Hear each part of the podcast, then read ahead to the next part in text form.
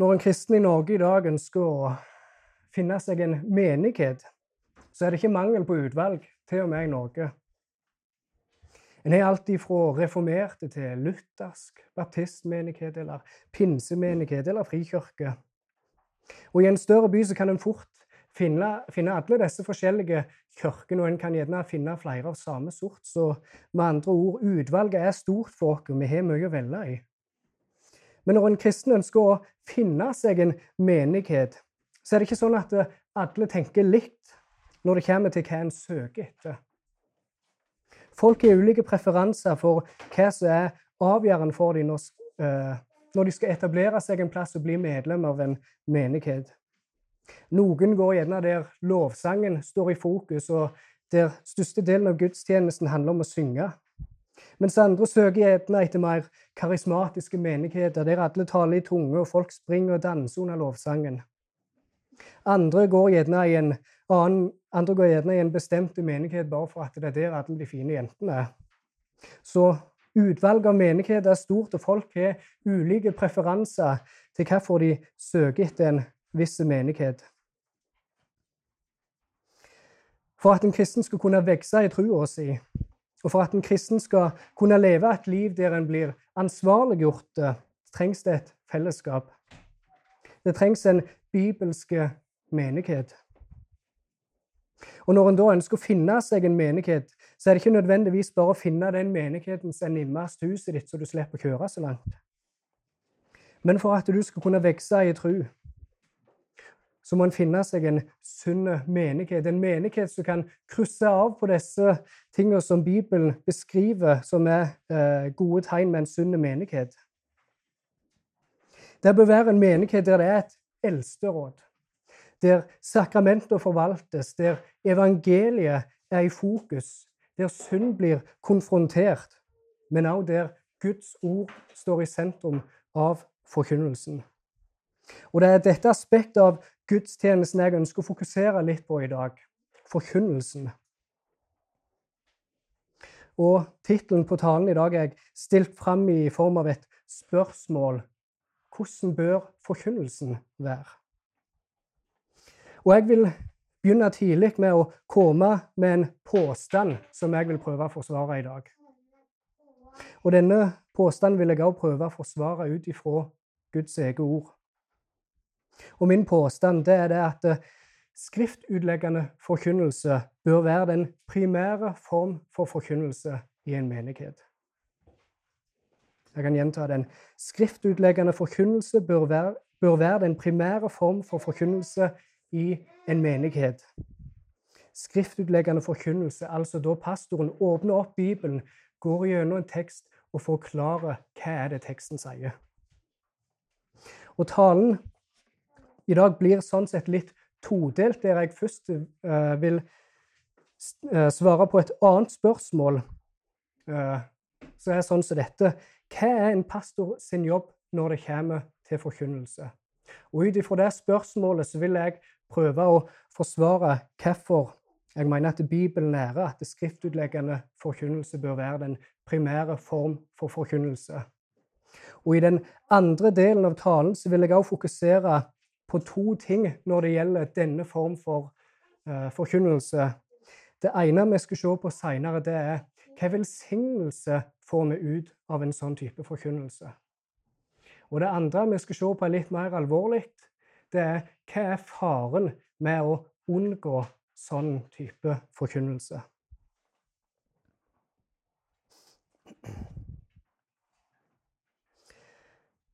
Kristne folk har ikke bare ulike preferanser når det kommer til hva slags menighet de ønsker å tilhøre, men også hva type forkynnelse en ønsker å sitte unna.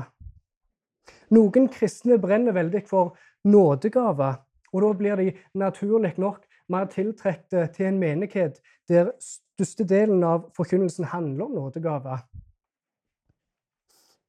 Andre kristne er gjerne eh, mer opptatt av endetida.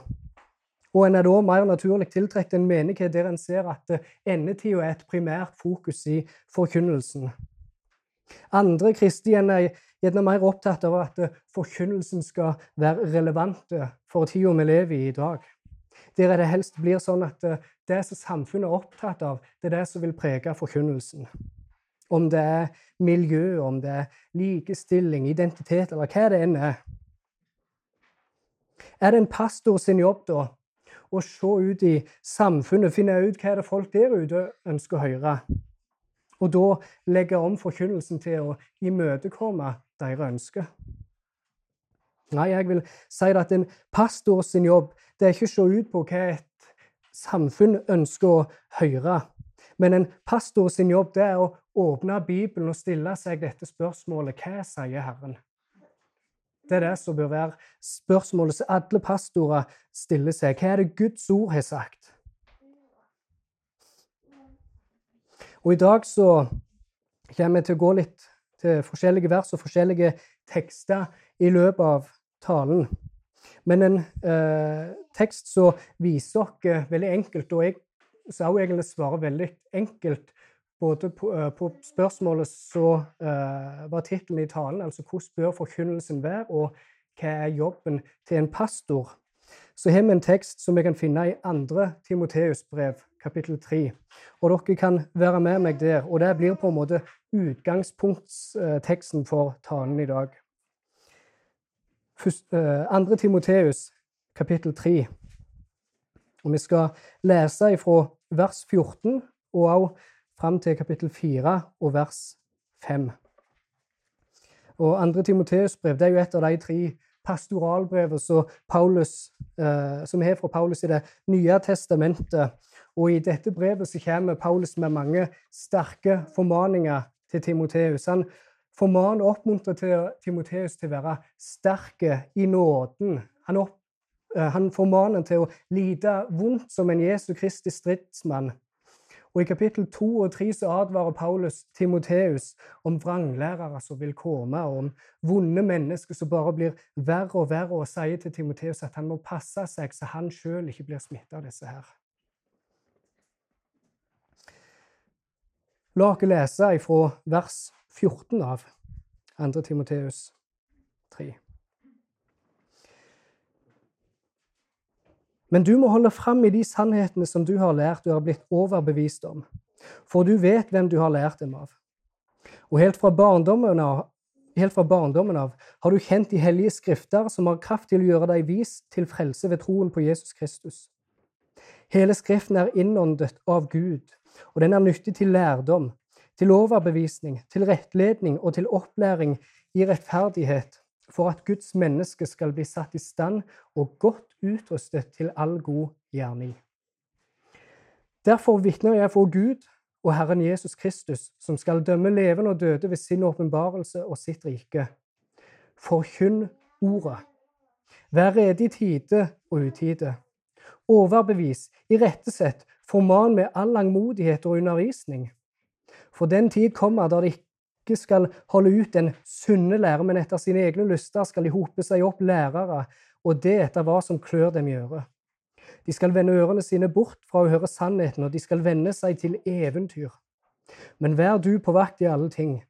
Lid ondt, gjør en evangelists gjerning, og fullfør din tjeneste. Det er mange formaninger Timoteus får ifra Paulus i dette brevet, men en av de viktigste er det som vi leste forkynn ordet. Og hva er dette ordet som Paulus snakker om? Det er de hellige skriftene som vi leste om i teksten. De hellige skrifter som Timoteus hadde kjent jo fra barndommen. De hellige skrifter som har kraft til å gjøre mennesket eh, vis til frelse ved tro på Jesus Kristus. Og Når Paulus skrev dette til Timoteus, så må Timoteus ha visst med en gang hva Paulus snakker om. De hellige skrifter. Det gamle testamentet, og også med implikasjon Det nye testamentet, testament, altså det apostoliske budskapet. Men ikke bare de hellige skriftene, men som også kunne lese hele Skrifta, som er innånda av Gud. Hele Skrifta er innånda av Gud. Ikke bare noen få deler, ikke bare mest, ikke mesteparten, men hele Skrifta er innånda av Gud. Gud har blæst sitt liv inn i disse ord som vi finner i Bibelen, hele Skrift og hele Bibelen den er nyttige til lærdom, til overbevisning, til rettledning og opplæring i rettferdighet for at Guds menneske skal bli satt i stand og godt utrusta til all god gjerning. Hvis vi som Guds folk ønsker å leve for Han, så må vi tro på det som står i Guds ord, og være lydige til det. Gud han åpenbart sin vilje, han åpenbart seg sjøl for oss i sitt ord. Og Guds ord det er tilstrekkelig for oss for at vi skal kunne bli utrusta til all god gjerning. Guds ord er tilstrekkelig. Så hvis en pastor ønsker å se menigheten blomstre som et fellesskap, hvis han ønsker å se at den enkelte skal blomstre i sitt liv, så er det Guds ord som må forkynnes. Hvorfor er det så viktig at det er Guds ord som må forkynnes? Jo, for det er Guds ord som er opphavet til alt. I begynnelsen så talte Gud, og jorda ble skapt. Jorda ble skapt ved Guds ord. Gud kalte Abraham fra Uri Kaldea ved løftet fra hans ord. Gud skapte sitt folk ved sitt ord. Og I Sekel 37 så kan vi se at Gud gir profeten et syn om en oppstandelse fra de døde som skal komme ved Guds ord. Og I Johannes evangeliet kapittel 1 så ser vi at eh, Guds ord blir åpenbart i personen Jesus Kristus. Ordet ble kjød og tok bolig blant dere.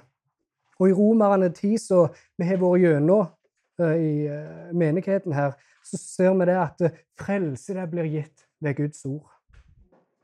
Guds ord er så sentralt gjennom hele Bibelen. Det er ved Guds ord at verden ble skapt, at mennesket blir frelst ved forkynnelsen av Guds ord. Og når Gud skal handle, så taler han, og han utfører det.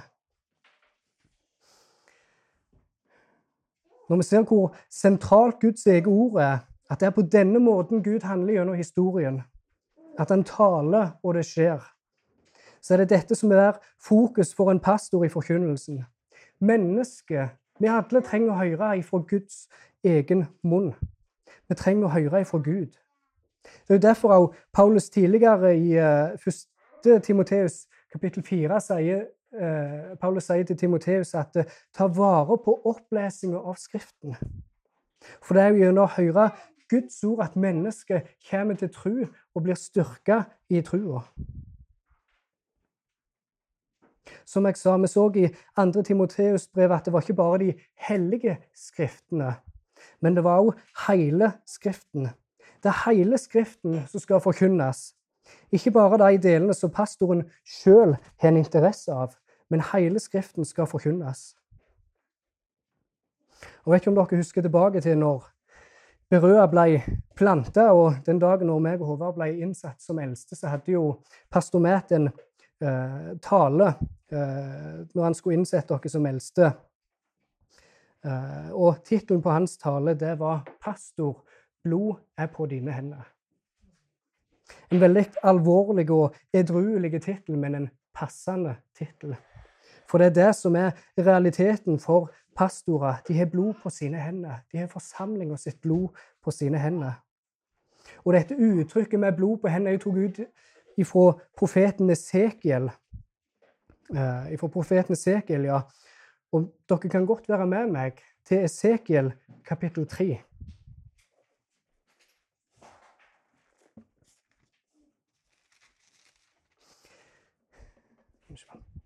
Esekiel han var en prest og profet for Gud. og Han levde på en tid da israelsfolket levde i opprør mot Gud, og de tilba avguder osv. Og, så og Gud hadde bestemt at det skulle komme en dom over landet. Og Gud kalte på Esekiel til å være både en profet og forkynne at eh, dom ville komme, og forkynne, til, forkynne at folket måtte omvende seg. Og han ble også kalt til å være en vekter. Eh, vi kan lese ifra vers 16 i kapittel 3 når Esekiel kalles til vekter. Da de sju dagene var omme, skjedde det at Herrens ord kom til meg, og det lød slik. menneskesønn, jeg, har gjort deg til vekter for Israels hus. Du skal høre ord fra min munn, og så skal du advare dem fra meg. Når jeg sier til den ugudelige, du skal sannelig dø, og du ikke advarer ham, og du heller ikke taler og advarer den ugudelige mot hans ugudelige ferd, så han kan berge livet, da skal den ugudelige dø for sin misgjerning, men hans blod skal jeg kreve av din hånd. Gud ville advare israelsfolket. Det var en dom som var på vei. Gud ville advare dem sånn at de kunne berge livet sitt fra denne dommen. Og han sa til Sekel at du skal høre ord ifra min munn, og du skal tale det jeg sier eh, du skal tale.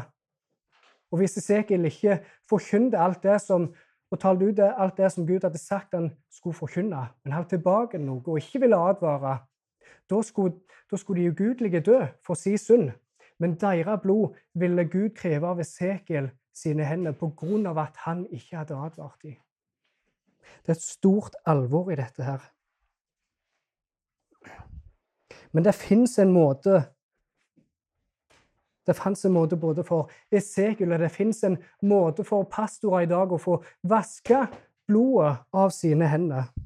Og det kan vi lese om videre fra vers 19 av. Men hvis du advarer den ugudelige, og han ikke vender om fra sin ugudelighet uh, og sin ugudelige ferd, da skal han dø for sin misgjerning, men du har utfridd din sjel. Når en rettferdig vender om fra sin rettferdighet og gjør misgjerning, da legger jeg en snublestein foran ham, og han skal dø.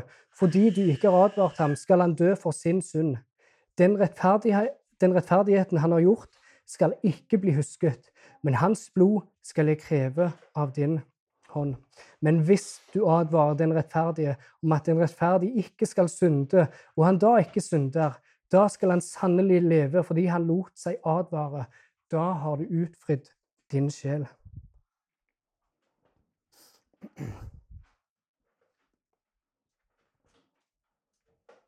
Hvis en pastor ønsker å vaske hendene sine rene for blod, så er det Guds fulle råd som må forkynnes. Hvis en, og hvis en advarer den ugudelige, som Gud sa til Esekiel, og han likevel ikke vender om, så går han fortapt. Men hans blod er ikke på hans blod var ikke på forkynneren sine hender. Hans blod var ikke på profeten Esekiel sine hender, for han hadde advart, eh, advart den ugudelige. Gud sier at eh, når du advarer den ugudelige, og han enten omvender seg, så har han frelst sin sjel, og det har du òg. Men hvis han ikke vender om, selv om du advarte han, så skal han dø for sin synd. Men hans blod skal ikke bli krevd av dine hender. Du er utfridd din sjel, som Gud sier, og Gud vil kreve hans blod av hans egne hender. Det er på denne måten en pastor kan vaske hendene sine rene for blod. Med å forkynne Guds ord med å forkynne de hellige skriftene og hele Skriftene. Vi forkynner de harde, vanskelige sannhetene òg, eh, sannhetene i Guds ord som en kan oppleve som vanskelige. Når en forkynner Guds fulle råd, det er på den måten en kan vaske hendene sine rene for blod. Og Dette bildet med blod på hendene er jo noe som Paulus sjøl anvender på seg sjøl. Og det er noe som vi kan lese om i apostelgjerningene 20. Og dere kan være med meg der òg, til apostelgjerningene 20. Jeg må prøve at det ikke skal bli så veldig mye hopping fram og tilbake. Men apostelgjerningene 20 er en veldig passende tekst å gå til i denne sammenhengen òg. Og dette er jo da når Paulus. Dette er på en måte Paulus sin helsing og avskjedstale til menigheten i Efesos. Han har vært der i tre år, og så han sier i uh, teksten her at han har vært hos dem i tre år, og han er ikke holdt tilbake noe. Han er advart i dag og natt, og til og med med tårer. Og han formaner de eldste i menigheten til å være på vakt for de klupske ulvene som skal komme, falske lærere som skal uh, prøve å dra disiplene til seg sjøl. Paulus formaner de eldste i byen i Efesos. Og vi kan lese ifra apostelgjerningene 20, og vi kan lese ifra vers 17 av. Apostelgjerningene 20, vers 17. Fra Milet sendte han bud til Efesos og kalte til seg menighetens eldste. Og da de var kommet til ham, sa han til dem, Dere vet hvordan jeg hele tiden har levd blant dere fra den første dagen jeg kom til Asia. At jeg tjente Herren med all ydmykhet, med mange tårer og prøvelser som møtte meg ved jødenes onde planer. Dere vet også hvordan jeg ikke holdt tilbake noe av det som kunne være til hjelp, men forkynte det for dere og underviste dere offentlig så vel som fra hus til hus. Jeg vitnet både for jøder og grekere om omvendelse til Gud og troen på vår Herre Jesus Kristus. Og se, nå drar jeg bundet av Ånden til Jerusalem uten å vite hva som skal hende meg der. Jeg vet bare dette, at Den hellige ånd vitner i hver by og sier at lenker og trengsler venter meg. Men ikke, noe, men ikke noe av dette gjør meg noe. Heller ikke har jeg livet kjært for min egen del. Derfor kan jeg med glede avslutte mitt løp og den tjenesten som jeg mottok fra Herren Jesus, og vitne eh, og vitne om Guds nådes evangelium. Og se, nå vet jeg at ingen av dere som jeg har gått omkring blant og forkynt Guds rike for, skal se ansiktet mitt mer. Og hør nå. Derfor vitner jeg for dere på denne dag at jeg er uskyldig i alles blod. Og så kommer vi med forklaringa. For jeg har ikke holdt noe tilbake, men forkynt dere hele Guds råd. Paulus hadde vært der i tre år. Han hadde ikke holdt tilbake på noe av det som kunne være til hjelp for dem. Han hadde forkynt både i det private og i det offentlige. Han hadde forkynt om Guds rike og fullført sin tjeneste og skulle til, videre til Jerusalem nå. Han holdt ikke noe tilbake, sa han, men han hadde forkynt for dem hele Guds råd. Han hadde vært med dem tre år og formant de, advart de hver dag og brukt tid med dem og undervist dem fra Guds ord. Og hadde gitt dem hele sannheten. Og derfor kunne han med rette si at deres blod er ikke på mine hender. Ikke bare skal Guds ord forkynnes i forsamlinga, men hele Guds ord skal forkynnes. Ingenting skal bli holdt tilbake. Det skal forkynnes, for det er Guds ord som er Guds sannhet. Bibelen det er der Gud har åpenbart seg for, for oss. Hvis en forkynner bare noen få deler av Guds ord, så blir tilbedelsen av Gud overflatiske og, ut, og med mangel. En ender opp bare med å få et fragmenterte bildet på hvem Gud er. Men hvis en pastor forkynner Guds fulle råd for forsamlinga, så resulterer det at det blir en sann tilbedelse av Gud. Og vi vil få et helt bilde av hvem Gud er. Så en pastor sin jobb når det kommer til forkynnelse, det er at han skal forkynne Guds ord. Ikke hans egne ideer og fascinerende historier. Men han skal forkynne Guds ord. Det er ordet som skaper liv, og det er ordet som frelser mennesket. Og han skal forklare hva Guds ord sier, og forkynne hele Guds råd for forsamlinga si. Påstanden min var at eh, skriftutleggende forkynnelse bør være den primære form for forkynnelse. Og jeg setter egentlig bevisst ordet 'primære' der. For jeg vil ikke si at uh, dette med tematale er noe fy-fy. Jeg vil ikke si at det er galt i seg sjøl å ha en tematale. Jeg kunne ikke hatt denne talen, skulle det vært tilfellet. For noen ganger så kan det faktisk være passende i menigheten sitt liv at en faktisk har en tematale.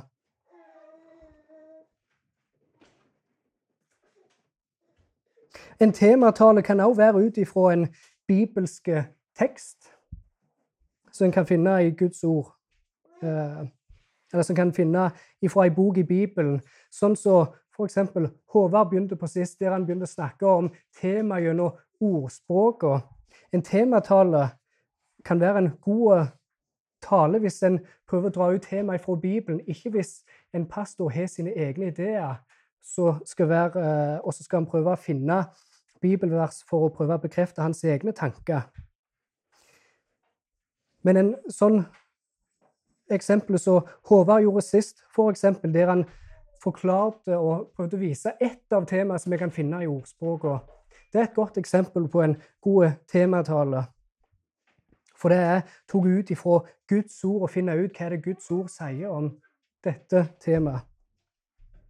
Vi har jo i Berøa hatt tale om dåp, for, eksempel, for å prøve å forklare litt hva er det presbyterianske synet på dåp. Det har vært tale om Guds lov, for kristne folk vet ikke alltid da hvordan de skal forholde seg til Guds lov.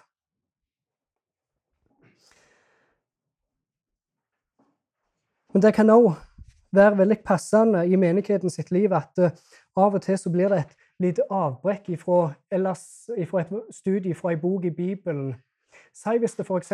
skulle vært en tragisk eh, hendelse, en tragisk ulykke i menigheten, at det gjerne skulle vært et dødsfall, f.eks., så kan det faktisk være på sin plass at uh, Eldsterådet de ser at det kan være greit at vi neste søndag faktisk snakker, prøver å finne ut hva det Bibelen sier om hvordan vi skal tenke om døden. Hvordan vi skal tenke om det å sørge. Hvordan skal en tenke om oppstandelse fra de døde. At en faktisk med noen tilfeller kan Hvis en sånn fæl hendelse skjer, så kan en ta uh, kan en gjerne ta hoppe vekk bitte litt ifra om det er profeten Habbakukken går igjennom, så kan Eldsterådet se at det er vist at vi må faktisk adressere dette her for menigheten. Og vi ser at dette vil være til hjelp. Og som jeg sa, det handler ikke om at pastorene sjøl skal gi sine tanker om en sånn tragedie, men det handler om at pastorene skal åpne Bibelen og se hva det Bibelen sier om hvordan vi skal takle og adressere en sånn tragedie. Så det er tilfelle av at det kan være veldig passende å ha en tematale. Og jeg ville ha denne talen som jeg hadde i dag, nå når vi nettopp er blitt ferdige med romerbrevet, og forklare hvorfor valgte vi å gå gjennom romerbrevet vers for vers og kapittel for kapittel. Derfor så vi på det som nyttig å kunne ha en tale om hvordan er det forkynnelsen bør være i menigheten. Men jeg vil likevel si at skriftutleggende forkynnelse bør være den primære form for forkynnelse. Og jeg vil også si at, eh, og prøvd å vise at eh, Guds eget ord lærer oss dette. La oss gå litt videre til den andre delen i talen, der vi skal snakke litt både om velsignelsene og farene. Og La oss først gå litt, begynne på velsignelsene med en skriftutleggende forkynnelse. og det er jo i det hele tatt For meg å kalle det velsignelse kan for mange være veldig merkelig. For tingene er at for mange kristne i dag så høres tanken om skriftutleggende forkynnelse egentlig, det høres egentlig bare kjedelig og nytteløst ut. De ser på det som bare en førelesing, at en studerer noen svarte bokstaver på et hvitt papir. Noe som ikke har nytte for oss for livet vi lever i dag. Og ikke i det hele tatt er relevant for samfunnet vi lever i. Men jeg vil hevde det helt motsatte. Og jeg tror at vi har fått sett det når vi har hatt denne gjennomgangen vi har hatt gjennom romerbrevet, hvor mange forskjellige temaer den boka faktisk adresserer. Vi har vært nøye i gjennomgangen, vi har tatt god tid på det. Men jeg, og jeg håper de fleste av dere kan si dere enige at vi sannelig sett har vært mange nyttige, gode temaer som romerbrevet viser dere og forteller dere. Alt ifra dåp, til evangelisering, lovprisning, hvordan å leve sammen som et kristen fellesskap osv. Romerbrevet har vist dere rikdommer og dybder som vi kan både tro på og som vi kan bygge livet vårt på. Og dette er jo igjen bare med å bekrefte det som Paulus sier til Timoteus, at hele Skriften er innblåst av Gud, og hele Skriften den istandsetter dere til all gode gjerning. Så hva velsignelse får en ut ifra skriftutleggende forkynnelse? Jeg vil nevne åtte stykk for dere. Nummer én, som jeg allerede har nevnt.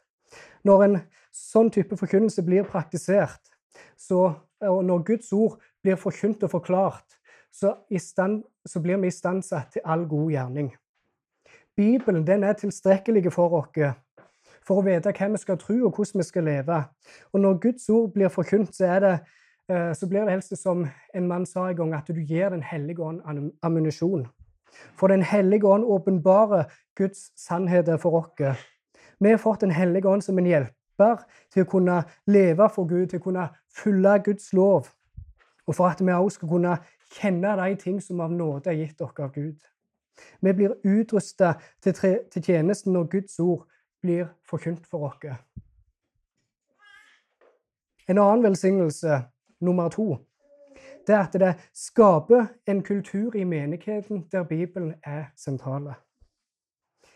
Pastorer som praktiserer skriftutleggende forkynnelse, de løfter opp Guds ords autoritet over sine egne meninger.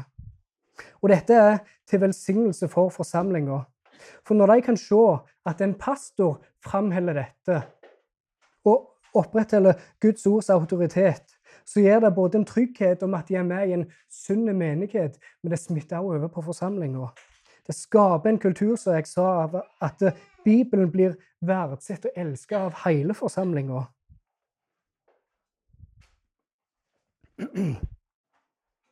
Og nummer tre det beskytter imot dårlig teologi. For det handler ikke lenger om hva slags favorittema pastoren sjøl har, hva som er hans kjepphester. For pastoren sin jobb er enkelt og greit å legge ut hva teksten sier. Og nummer fire det er at det skaper modne kristne som er grunnfesta i hva Guds ord sier.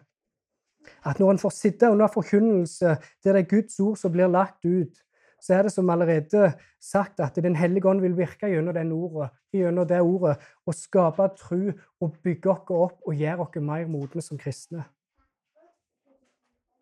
En annen velsignelse, nummer fem, det er at Guds fulle råd blir forkynt.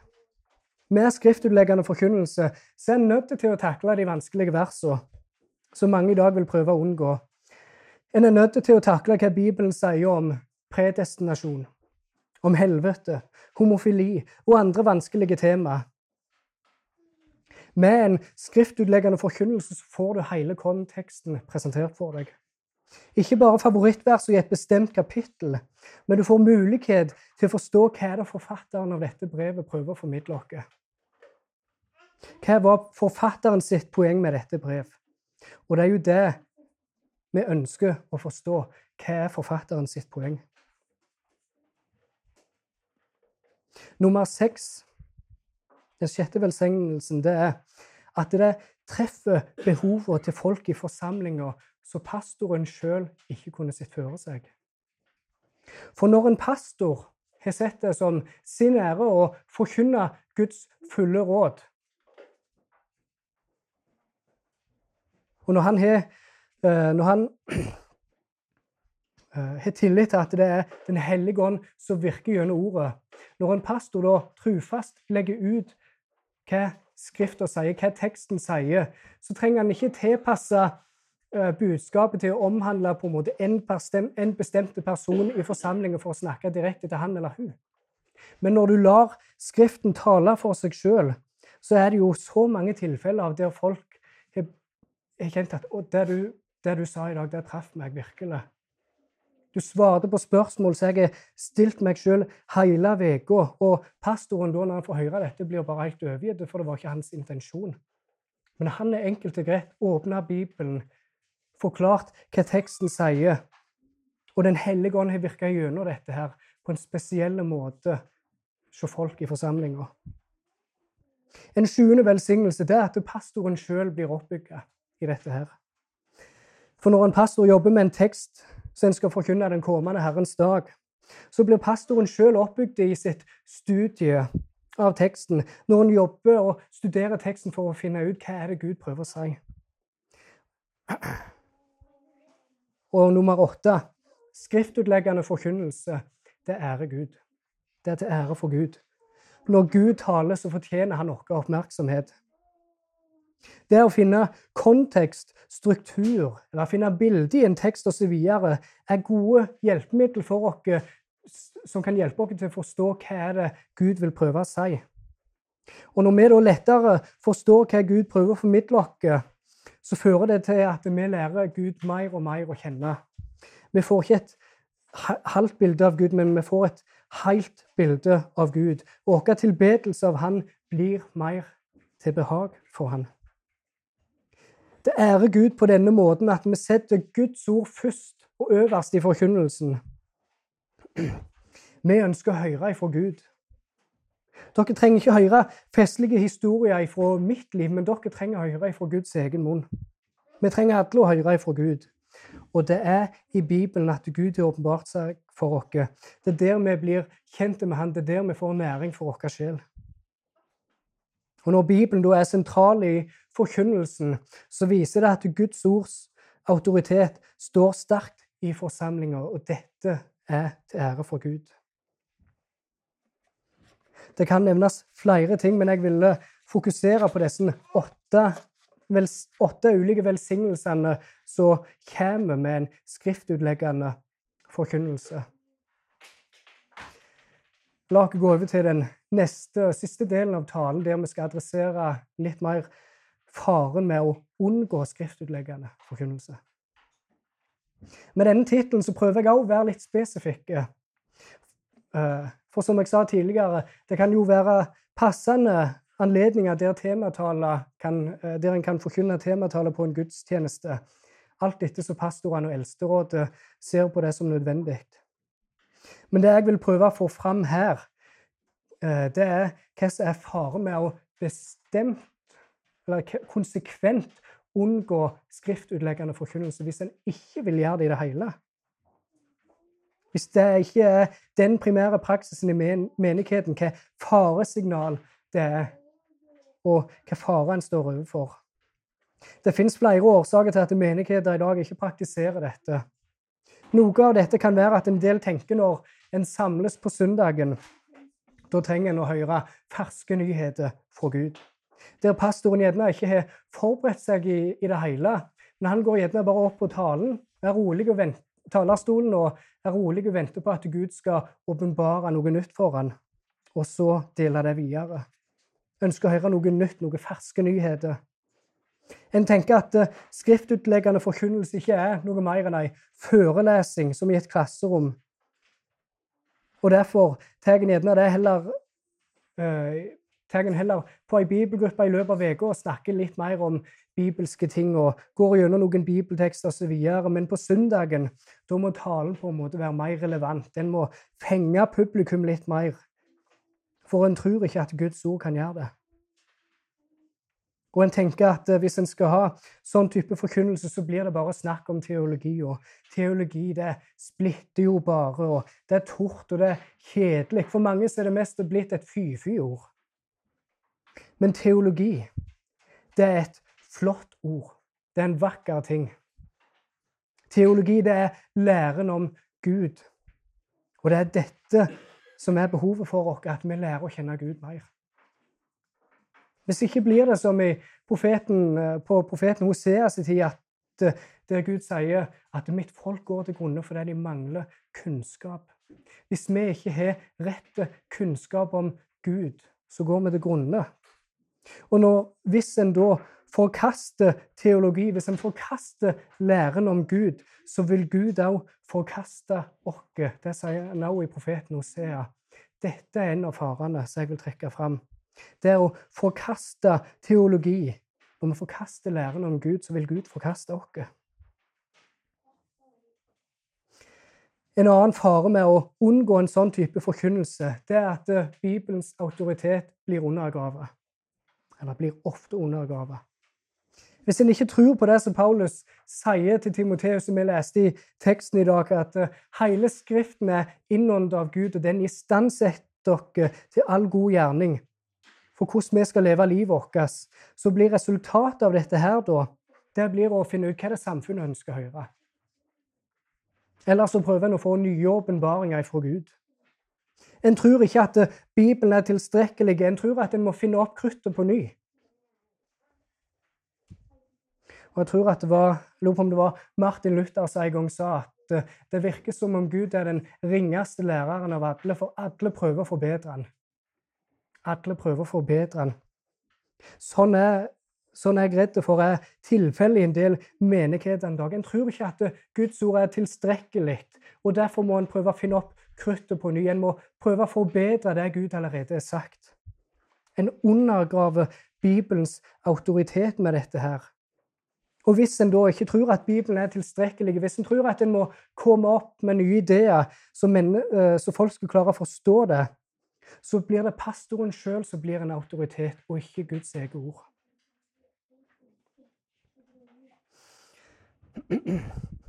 En tredje fare som jeg vil trekke fram, det er at uh, ofte så ser en at uh, de samme temaene blir gjentatt gang på gang. Gang etter gang så blir det samme, gjentog, uh, blir det samme tema gjentatt i taleserier i menigheter. At i plassen for å f.eks. gå gjennom Matteusevangeliet, blir en heller enig om å ha litt mer relevante tema. Ting som er litt mer livstema, f.eks. En har gjerne tema som nåde, nådegavene, tilgivelse, kjærlighet, identitet osv. En har visse enkle ord som skal beskrive en taleserie som ofte varer et år, og om ikke lenger. Og faren med dette her, det er at en så fort kan gå utover det som Bibelen sier om dette temaet. Om det er om nåde, om det er tilgivelse, kjærlighet osv. Ofte så har en en pastor eller en forkynner som skal komme og forkynne forsamling. og Han forteller gjerne en historie fra sitt eget liv forteller om en historie der en gang han måtte utfordre seg sjøl og gå litt ut av komfortsonen. Og så tar han gjerne helt på slutten, bare for å slenge med et lite bibelvers, så refererer han gjerne til Matteus 14, når Peter gikk på vannet for å gå og møte Jesus. For tematalen var sikkert det å være modig. Men talen i seg selv var egentlig bare et vitnesbyrd der han snakket om hvor modig han var og skulle prøve å rettferdiggjøre det med å bare slenge på et bibelvers. Hvis det er tematale som er den eneste form for forkynnelse, så ser jeg det at det ofte blir de samme temaene som blir gjentokne. Alt etter det som pastoren sjøl er interessert i og brenner for. Og dette i seg sjøl, i det lange løpet, det er å bomme på målet. For hvis forkynnelsen bare handler om nådegaver, om det bare handler om Guds kjærlighet, om det bare handler om endetida, hva det enn er av visse temaer som pastoren brenner for, så ender det opp med at forsamlinga blir bare lik pastoren. Men pastoren, den eldste sin rolle, det er å disippelgjøre forsamlinga si sånn, sånn at de kan bli mer lik Jesus. Og en pastor han skal være et godt forbilde for forsamlinga. Han skal kunne si, som Paulus sier, 'Imiter meg sånn som jeg imiterer Kristus'. Han skal peke forsamlinga og peke på Kristus for forsamlinga. For det er Kristus vi ønsker å strekke oss etter og bli mer like. En annen fare med å unngå en sånn type forkynnelse, nummer fire, det er at konteksten forsvinner. Hvis en kun taler tematisk, da plukker en litt vers her og der, og en glemmer av konteksten disse versene. Uh, det som er den opprinnelige konteksten til disse versene som en bruker i sin tale. Du går glipp av konteksten, og du går ofte glipp av det som forfatteren prøver å formidle. Du ender opp med ei forsamling uh, Du ender opp med ei forsamling som får en delte forståelse av hva det Bibelen prøver å lære oss.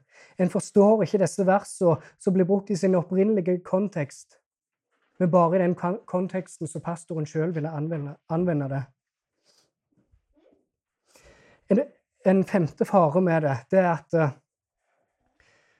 du tilraner Jesus sin autoritet over hans kirke. Jesus det er han som er hodet i menigheten. Han har kjøpt den til seg sjøl med sitt eget blod. Og det er han som skal bygge sin menighet. Og For at menigheten skal kunne vokse til å bli eh, en moden og sunn menighet, så trenger vi å høre ifra Jesus sjøl. Vi trenger å høre at han taler til oss. At han taler til oss, eh, og at han gjør det gjennom sitt ord. Og skal vi kunne vokse, så må vi tro på det og stole på det og være lydige til det. En sjette fare det er at det hindrer Den hellige ånd sitt verk. Hvis en pastor prøver å legge ut Skrifta for sin forsamling Nei, hvis en pastor unngår å legge ut Skrifta for sin forsamling, så står han i veien for Den hellige ånd. Står i veien for Den hellige ånds verk både i menigheten sitt liv, men også den enkelte. Vi kan lese i 1. Peterbrev kapittel 1 vers 23 at eh, vi blir gjenfødte ved Guds ord. Det som lever og blir til evige tid. Og Jesus, som vi også kan lese om i Johannes evangeliet, så sa Jesus i sin ypperste prestelige bønn at eh, 'hellige dem i sannheten, ditt ord er sannhet'. Den hellige ånd, han bruker Guds verk for å helliggjøre oss, for å gjøre oss mer like Jesus. Og hvis vi ikke forkynner Guds ord, så hindrer vi Den hellige ånd. En siste ting som jeg vil trekke fram som en fare, det er at eh, hvis en unngår skrift, konsekvent unngår skriftutleggende forkynnelse, så går det Og det blir også litt på det samme som jeg har vært litt innpå allerede. Men du unngår de ubehagelige, eller det som kan oppleves som ubehagelige sannheter. Hvis en kun forkynner tematisk, da kan du velge og vrake akkurat som du vil. Hva du vil ha med, og hva du ikke vil ha med i talen. Du har gjerne et veldig positivt vers som passer til temaet en sjøl ønsker å forkynne, men, når en kommer, men du kan gjerne ikke ta med det neste verset, for det, plutselig så var det gjerne litt negativt og kan tilsynelatende øyelegge hele talen din.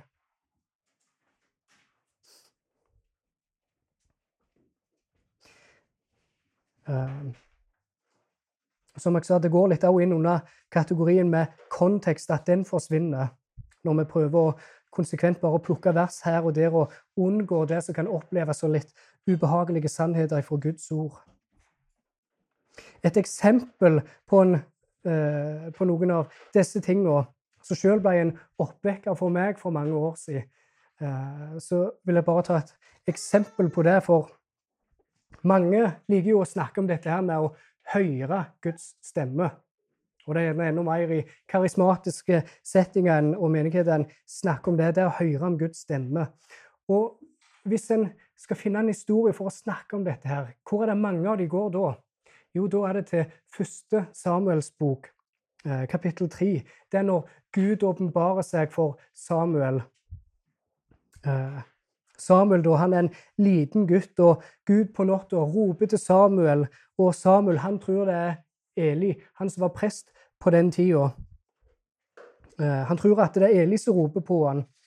Og det kjenner jo historien. altså Gud roper på Samuel tre ganger. Eli tror at det er Nei, Samuel tror at Eli så roper på han, men så sier, uh, sier Eli til slutt uh, at til Samuel at hvis du hører Gud rope på deg igjen, så skal du si 'tal, for din tjener hører'. Og Det er ofte sånn disse talene om det å høre Guds stemme eh, avslutter med 'tal og hør, eh, tal din tjener høre'. Og ofte, hvis, det, hvis en snakker om det å høre Guds stemme, eller få et ord eller en profeti, så skal det alltid tydeligvis være positivt i dag. Det er en stor greie. Og en ting som ble veldig eh, Så jeg ble veldig overraska det var å finne ut hva var det faktisk Gud sa til Samuel når han ropte på Samuel da. Og Det kan en lese videre om. Eh, vi skal ikke gå der i dag, men det kan en lese videre om i, i 1. Eh, Samuel kapittel 3. Det budskapet som Gud ga til Samuel, det var en domsprofeti over Eli og hans sitt hus. Pga. sønnene hans hadde drevet tempelran. De hadde levd ugudelig og gjort ugudelige handlinger. Og pga. det så skulle Gud ta livet av hans hus og familie.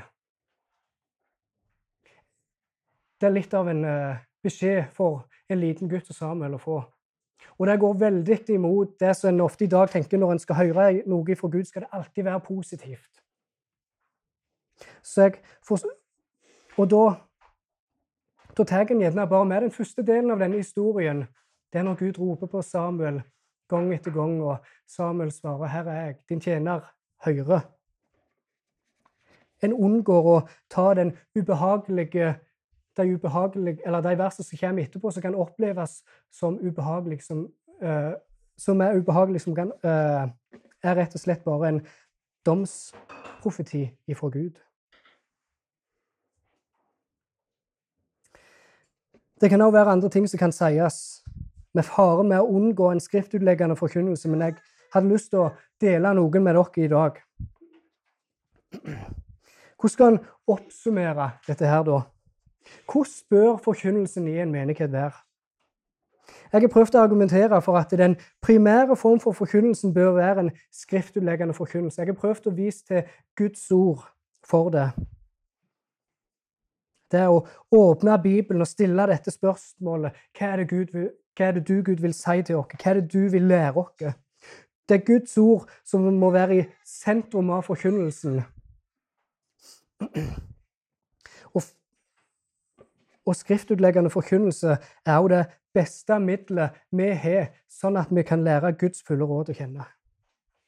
Men så i dag så kan også en tematale av og til være på sin plass når pastorene ser på det som nødvendig for forsamlinga.